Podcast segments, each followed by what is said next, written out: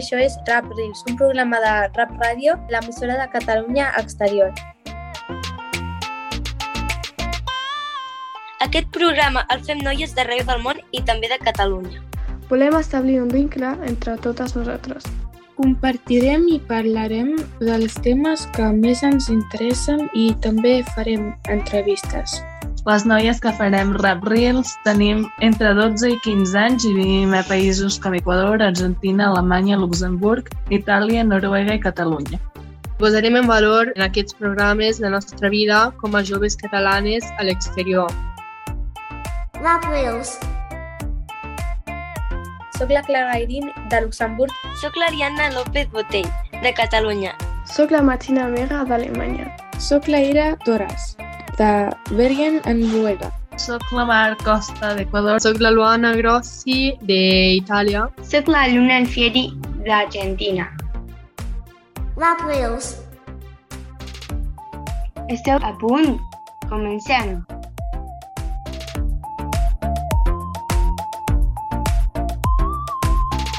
Rap Reels L'entrevista.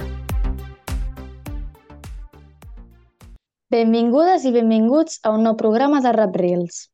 Avui tenim una convidada de nou al programa.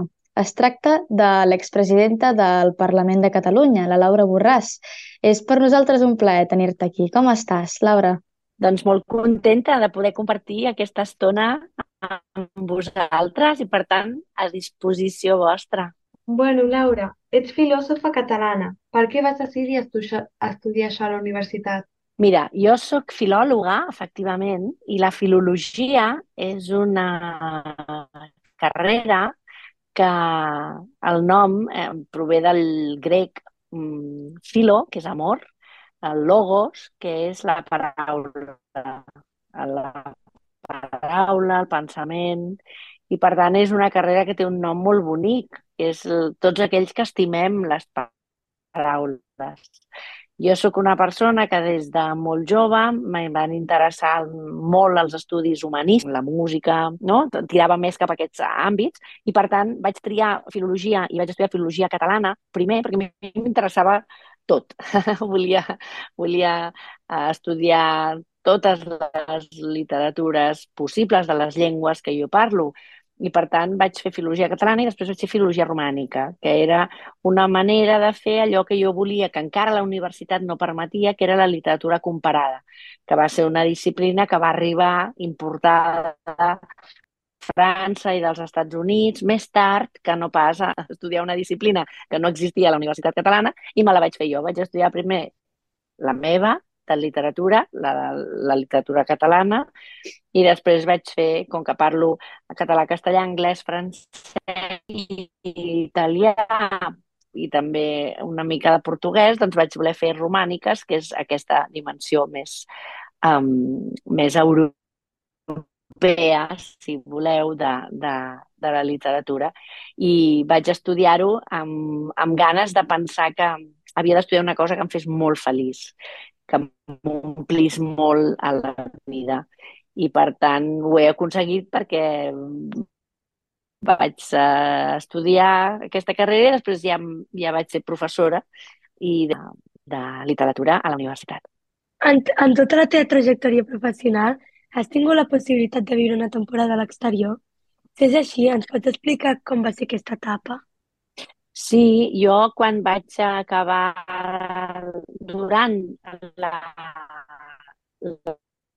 l'elaboració de la tesi doctoral vaig voler fer estar, per tant, eh, vaig voler fer estades de recerca a diverses universitats europees. I per tant vaig estar mm, fent um, recerca a Anglaterra i vaig viure a Londres durant un temps i després també a França i vaig viure a Aix-en-Provence.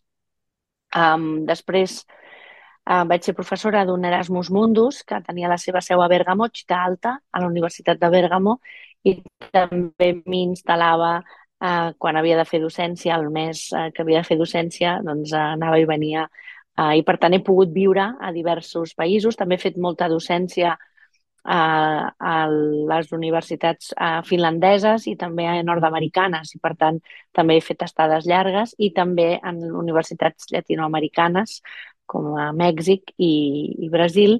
I per tant també he, pogut estar precisament són llocs també a distància que quan feies també he tingut oportunitat de, de viure una mica el que seria l'acadèmia global no? perquè és eh, conèixer les universitats de diversos països amb llengües diferents. I bueno, entre els anys 2013 i 2018 va ser directora de la Institució de Lletres Catalanes. Com és que va arribar a aquesta oportunitat? Mira, jo que sóc professora, eh, que és la meva feina principal i ho ha estat sempre, pel fet de que havia estat comissària de l'any Sales, Caldés i Tisner, que són tres autors catalans que se'n celebrava el centenari, el conseller de Cultura em va fer aquesta proposta de si volia dirigir la Institució de les Lletres Catalanes. La Institució de les Lletres Catalanes és una entitat autònoma vinculada al Departament de Cultura que en aquell moment, que hi havia les retallades molt dures en pressupost de la Generalitat, l'encàrrec que em fa el conseller és o la remuntes o la tanquem, perquè no podem destinar-hi molts fons. I jo vaig pensar, quina barbaritat tancar una institució republicana, no? que ens quedava com a exemple del que s'havia fet al nostre país en el temps de, de la república. I, per tant, vaig acceptar el repte de, de tirar endavant la institució i efectivament vaig ser una directora durant cinc anys i és una de les etapes més felices de la meva vida, de les quals estic més orgullosa, perquè era una institució que estava molt en precari, ja us dic que anava a tancar, i en canvi amb un pressupost molt reduït vam aconseguir fer molt, molta i molt bona feina i per tant estic molt orgullosa d'haver poder començar la meva vocació de servei al servei del país com a directora de, de la Institució de les Lletres Catalanes. I entenem que sent filòloga catalana i tenia aquest càrrec. És una gran responsabilitat i en què consistia la teva feina? Doncs sí, és una gran responsabilitat perquè això volia dir ser directora general del govern de la Generalitat de Catalunya. Per tant, entrar en un càrrec del govern Uh, és molt, uh, veritablement, és una, un orgull molt gran, un privilegi també molt gran, però una responsabilitat enorme. Jo, quan el conseller em fa aquest encàrrec, me'l fa per la meva, el nivell d'expertesa professional. És a dir, uh, normalment els directors generals del govern són persones dels partits polítics que fan uh, gestió política. En el meu cas, la institució de les lletres catalanes sempre havia estat dirigida per escriptors, per professors, per persones molt eh, especialistes en l'àmbit de la literatura. I, per tant, jo no havia entrat mai en política i quan em demanen aquesta responsabilitat la faig amb una gran vocació de servei al país i des de la meva expertesa com a professora universitària. I això van ser cinc anys i després d'aquest periple de cinc anys és quan arriba la tardor del 2017 la institució es veu afectada d'una manera molt directa per la intervenció que va fer l'estat espanyol abans d'aplicar el 155 i, per tant, nosaltres un dia ens vam despertar amb els comptes embargats, amb, sense diners als comptes perquè l'estat espanyol el, ens els havia pres. I, per tant, allò també va ser un xoc des d'un punt de vista personal, però també polític, i va, després va venir l'1 d'octubre, després el govern va anar a l'exili o a la presó, i per tant um, a partir d'aquell moment es va produir un canvi també a la meva vida quan el president Puigdemont ja a l'exili em demana que formi part de la llista uh, de país que, que va resultar ser el germen, l'origen de Junts per Catalunya. I llavors, amb tot això, com apareix el canvi de la política a la teva vida? Per què vas deixar l'acadèmia i passar l'arena a l'àrea de la política?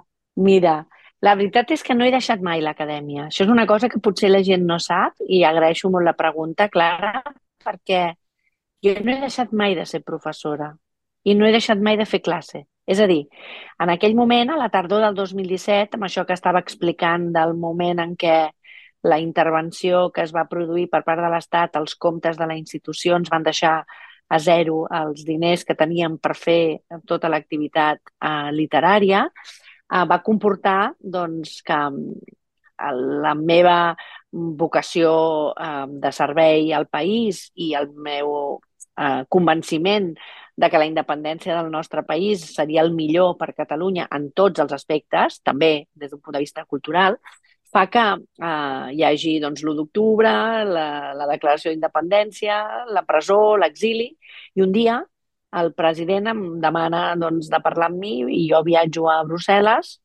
i és quan em proposa d'entrar en política. Clar, jo li dic que no, perquè jo, jo no sóc eh, política, sóc professora, però en aquell moment ell el que volia era com que era tan extraordinària la situació que estàvem vivint, des d'un punt de vista democràtic, tan anòmala, eh, volia que hi hagués gent compromesa amb el país que fes un pas endavant anés en aquesta llista de país.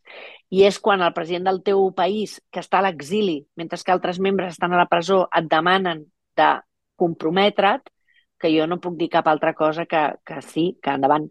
I aleshores és quan hi ha les eleccions del de desembre del 2017 i jo eh, sóc el número 5 de la llista. Tots els que estan davant meu estan a la presó i els, ai, a l'exili i els que estan darrere meu estan a la presó i llavors em, em converteixo en diputada al Parlament de Catalunya.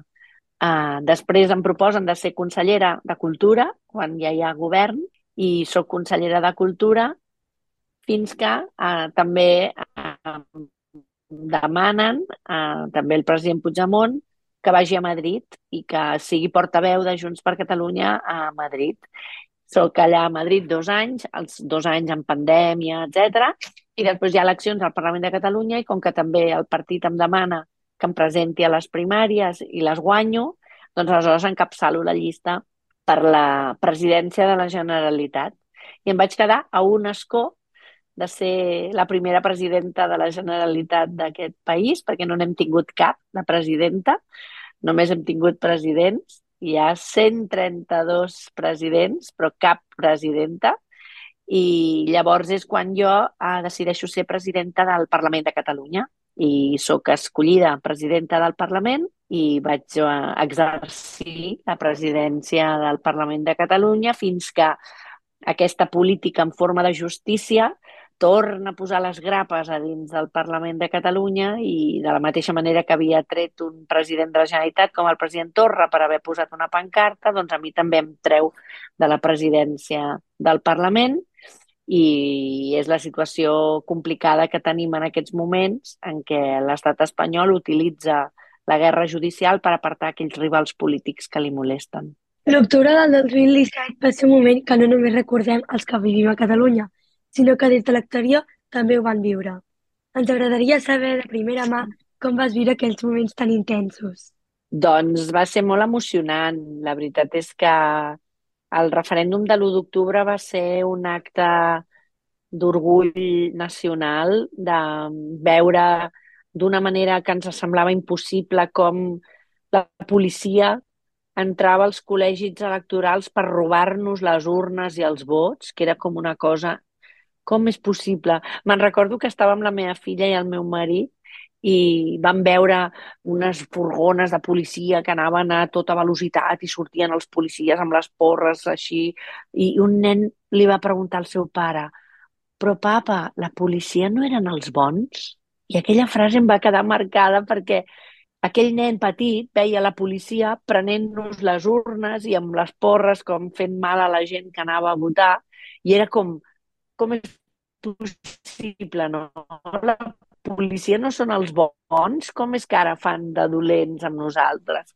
I, per tant, el vaig viure aquell dia amb molta emoció, amb molta implicació i amb molts col·legis electorals, després d'una jornada en què vam veure coses increïbles, gent, eh, policia tirant a terra persones, a iaies, a persones grans, estirant dels cabells, eh, saltant, bueno, totes les barbaritats que vam veure, sang, eh, gent ferida, urnes que se n'anaven, no?, que les robaven, al final eh, el recompte dels vots va ser viscut a cada col·legi electoral amb molta alegria. I el crit de la gent era hem votat, hem votat. Vosaltres no volíeu que votéssim i finalment ho hem aconseguit i hem votat i hem guanyat. A més a més, hem guanyat, però ja era una proesa haver votat, no? I això va ser un sentiment molt, molt d'orgull i de victòria de país. Eh, quin diries que ha estat el millor moment que has viscut com a presidenta del Parlament? El millor moment? La veritat és que és un orgull, un privilegi i un honor molt gran eh, ser presidenta del Parlament de Catalunya.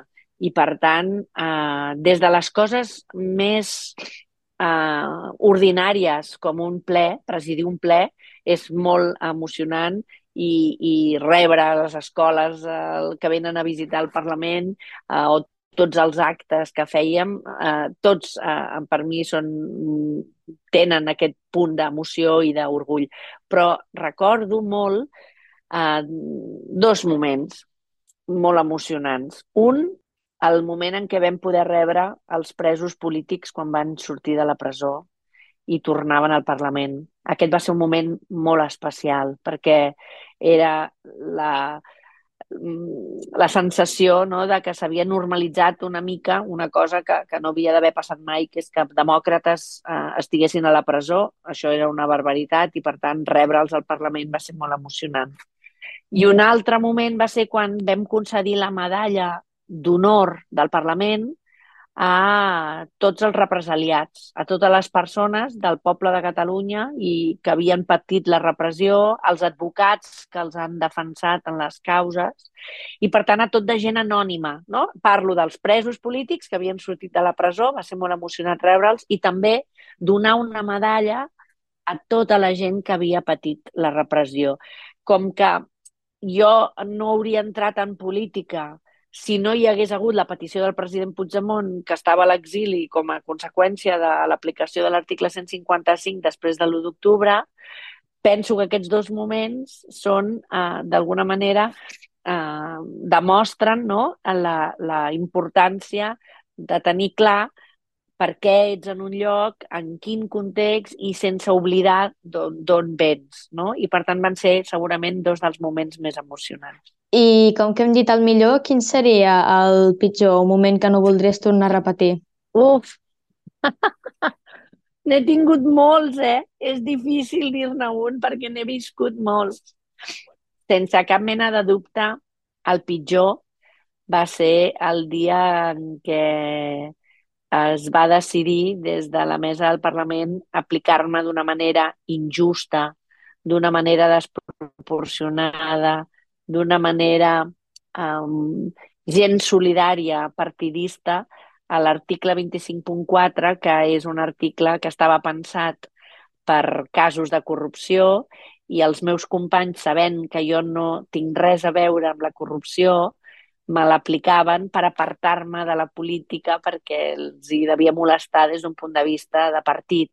Com que jo he entrat a la política amb una aspiració de país, aquest moment va ser molt dolorós personalment perquè efectivament jo he defensat sempre la meva innocència i la meva honorabilitat, però també eh, políticament perquè volia dir que aquesta guerra judicial d'aquest lawfare no només ens el fa l'estat espanyol, sinó que ja ens el fem nosaltres mateixos des de dins del Parlament, els partits també eh, independentistes. Per tant, aquest dia, el 28 de juliol de l'any 2022, va ser un dia eh, molt, molt, molt dolorós, molt dur, molt trist pel que representava personalment, però també eh, de desunió absoluta del, de l'independentisme, només amb una finalitat molt mesquina, molt miserable, i sabent que això tenia unes conseqüències personals per mi eh, i per la meva família doncs, molt greus perquè l'estat espanyol persegueix aquells que molesten.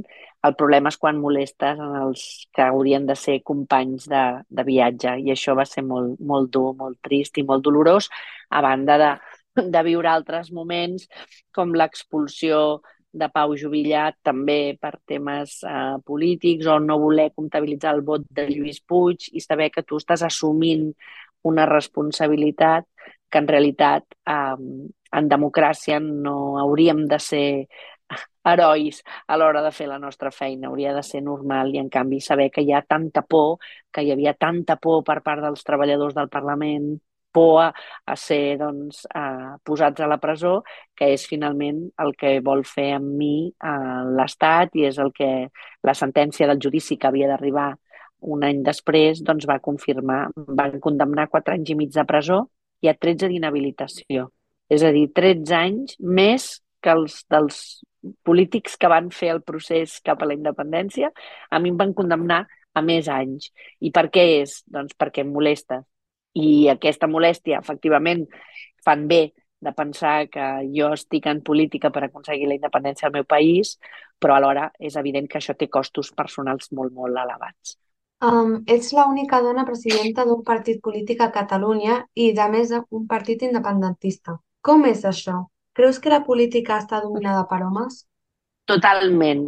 Total, rotunda i, i, i d'una manera molt evident està dominada per homes. És encara un dels espais on sembla que perquè hi ha aquest políticament correcte de que els polítics han de ser, no? Uh, han de ser feministes o han de tenir un posat més uh, modern en aquest sentit i en realitat és un dels espais més conservadors i, bueno, abans dèiem això, hi ha 132 a 0. 132 presidents de la Generalitat, 0 dones. I no sé quants partits polítics hi pot haver, 9, 10, 12, en funció dels que tenen representació al Parlament o els que no la tenen i no hi ha cap dona eh, presidenta, doncs això també és una anomalia, perquè les dones són més del 50% de la població, per tant, per, per lògica, eh, si hi hagués un repartiment homogeni, no hauria de ser una excepció i en canvi ho soc. Doncs, eh, efectivament, és una anomalia. Què és el que podeu fer els polítics perquè els joves ens impliquem més a la política del nostre país?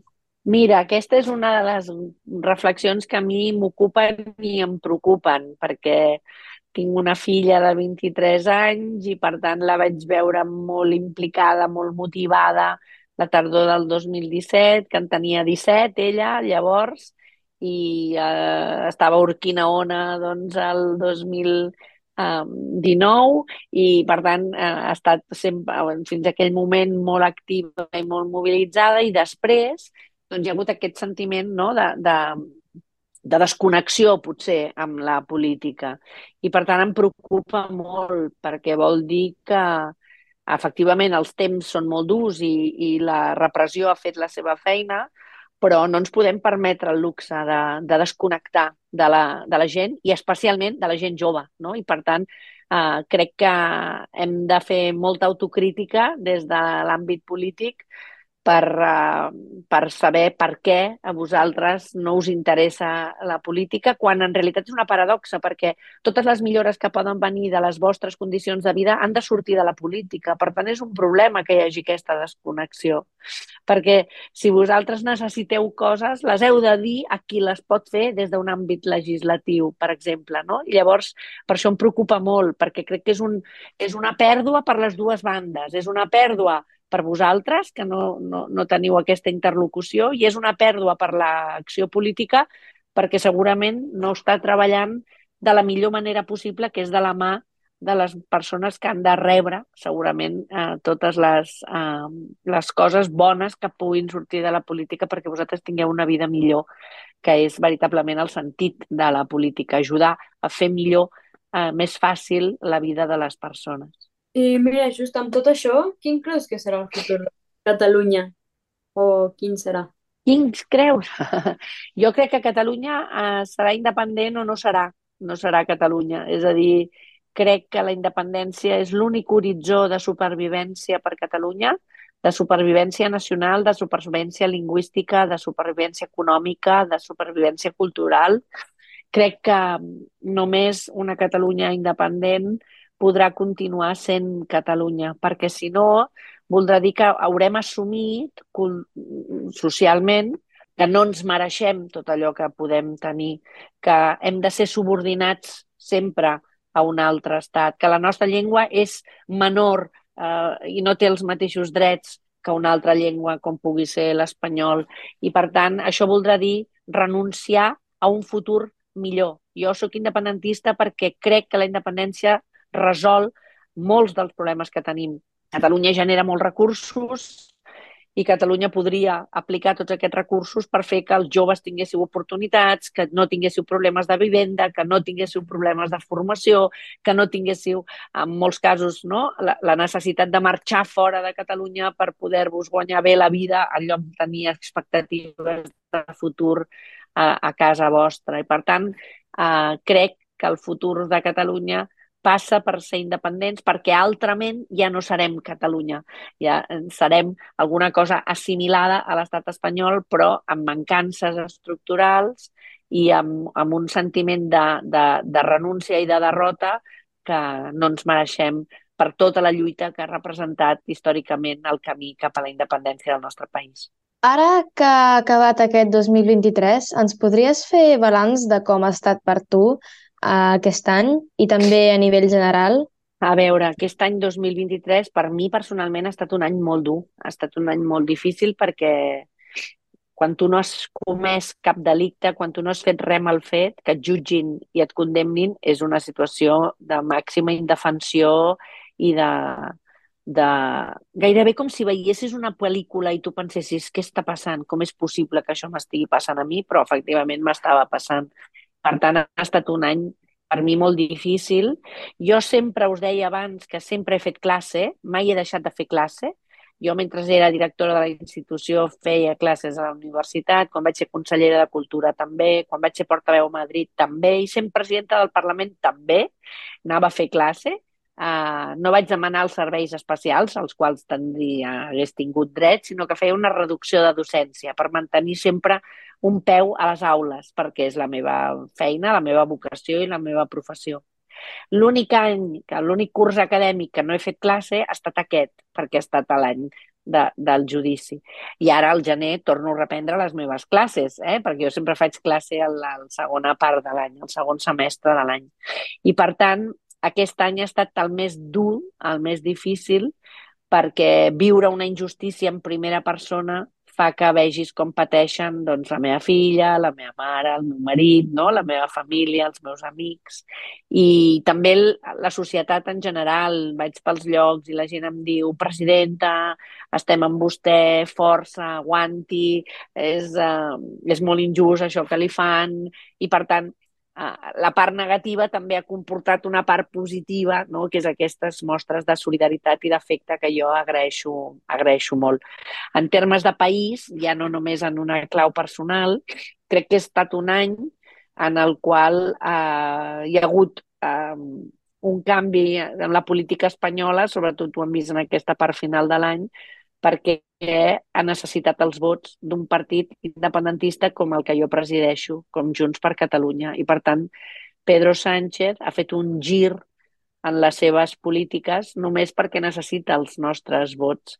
Però s'ha pogut, s'està tramitant una llei d'amnistia, que és un reconeixement al que nosaltres hem dit sempre, que l'Estat ha jugat brut amb l'independentisme, que ha utilitzat tots els elements que ha tingut al seu abast per perseguir-nos i aquesta llei d'amnistia vol ser una manera de rescabalar, que mai no pot ser del tot, però de reparar una mica tot el dolor que, que això ha infligit a tantes i tantes persones, perquè no només és la persona afectada, sinó tot el seu entorn eh, familiar. I per acabar, Laura, què n'esperes d'aquest 2024 políticament o com t'agradaria que fos? Mira, jo m'agradaria molt eh, que l'any 2024 fos un any on recuperéssim el rumb cap a la independència i totes les baralles, discussions, divisions que hi ha hagut entre partits independentistes, doncs que tothom reflexioni i vegi que això no ens acosta a la independència, sinó que el que hem de fer és anar junts per aconseguir-la. M'agradaria que fos l'any 2024 en què es veiés a, a, aquesta acceptació de que tot el que s'ha fet fins ara no, no ens ha, beneficiat en termes col·lectius i que hem de pensar en el país i no a, en cada un dels partits. I també m'agradaria, naturalment, en el, a la dimensió aquesta més personal en relació a la política, que el 2024 fos l'any en què la meva causa arribés a una instància judicial justa, on eh, es pogués demostrar com jo he hagut de demostrar amb proves la meva innocència. I, per tant, m'agradaria que el 2024 fos un any en què hi haguessin jutges honestos, que segurament no, no els trobaré a l'estat espanyol, sinó a Europa, que eh, veritablement puguin eh, dir que he estat vivint aquesta injustícia i m'agradaria molt que fos el 2024. Jo continuaré lluitant perquè això sigui i a banda d'això, doncs, els desitjos bons de, per, per tothom, de salut, sobretot, que és molt important, i d'amor, de, de feina, tots els desitjos de bona voluntat, que sembla que el Nadal és un bon moment per, per mirar de, de fer propòsits i, intentar tots ser millor persones. Jo, jo crec que si tothom intentés uh, fer més el bé, aniríem millor col·lectivament com a societat. Jo ho intento cada dia i, per tant, aquests desitjos també els faig extensius a tothom ara que, que ve un nou any. Veiem que tens una estanteria plena de llibres darrere teu i com ets filòloga, t'hem de preguntar, alguna recomanació d'algun llibre? Sí, jo visc en una casa biblioteca, o sigui, totes les parets estan plenes de llibres, efectivament, uh, i a mi em costa molt sempre recomanar un, un, un sol llibre perquè en tinc molts i, i, i soc profe de literatura, però efectivament um, el Nadal és una bona època per, uh, poder, per poder llegir i, hi ha moltes obres que es poden llegir per eh, Nadal, aquest esperit nadalenc.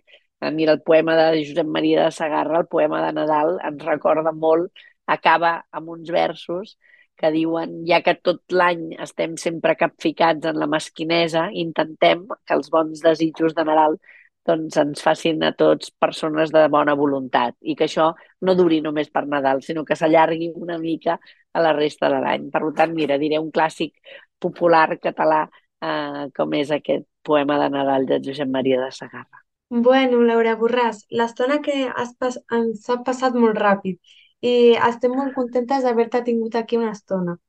T'anirem seguint des de molt a prop. Moltes gràcies per haver estat en aquest programa. Moltes gràcies a vosaltres. Ha estat un plaer veure, bueno, estar amb vosaltres, veure-us i respondre les vostres preguntes. Espero que, que ens veiem aviat. Moltíssimes gràcies a totes.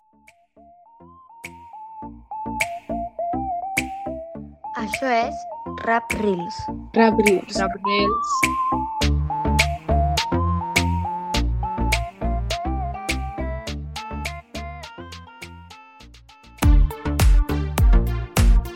La recomanació. Eh, soc la Clara de Luxemburg i he escollit aquesta cançó perquè és molt moguda i a sobre no la paro d'escoltar a la ràdio luxemburguesa. Fuertes lluvias continúan en todo Miami. Debido a la inundación del Miami Arena, lamentablemente para los fanáticos de Maluma, su concierto de esta noche fue cancelado. Me trae enamorado sin saber su nombre. ¿Cuál será la magia que su cuerpo esconde? ¿Será que si le tiro de pronto responde? Decirle la verdad no me hace menos hombre. El no tener te desespera y las ganas que tengo ya no se esperan. Abre la puerta, estoy afuera porque sé que adentro es donde tú me quisieras, donde tú me quisieras.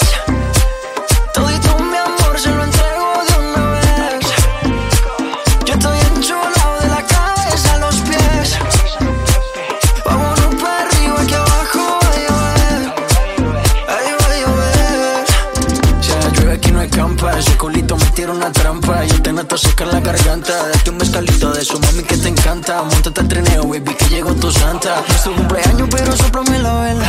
A ti te gusta cuando te canto a capela.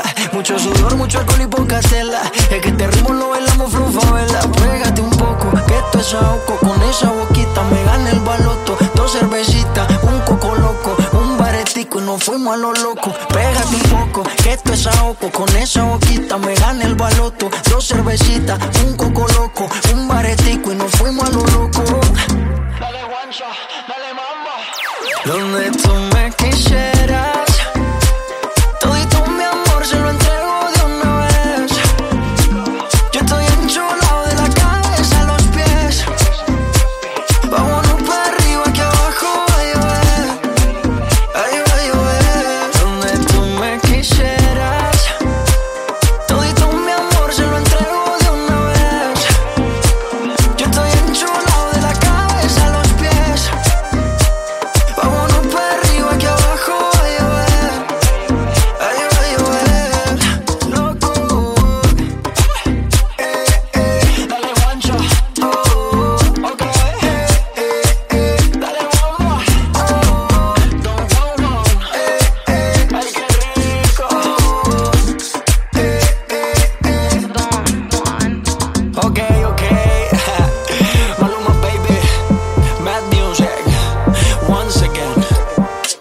Game changers, ¿ok?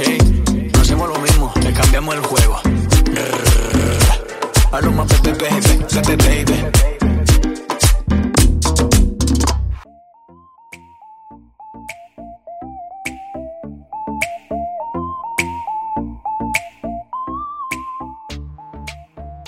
Fins aquí el programa d'avui. Gràcies per escoltar-nos.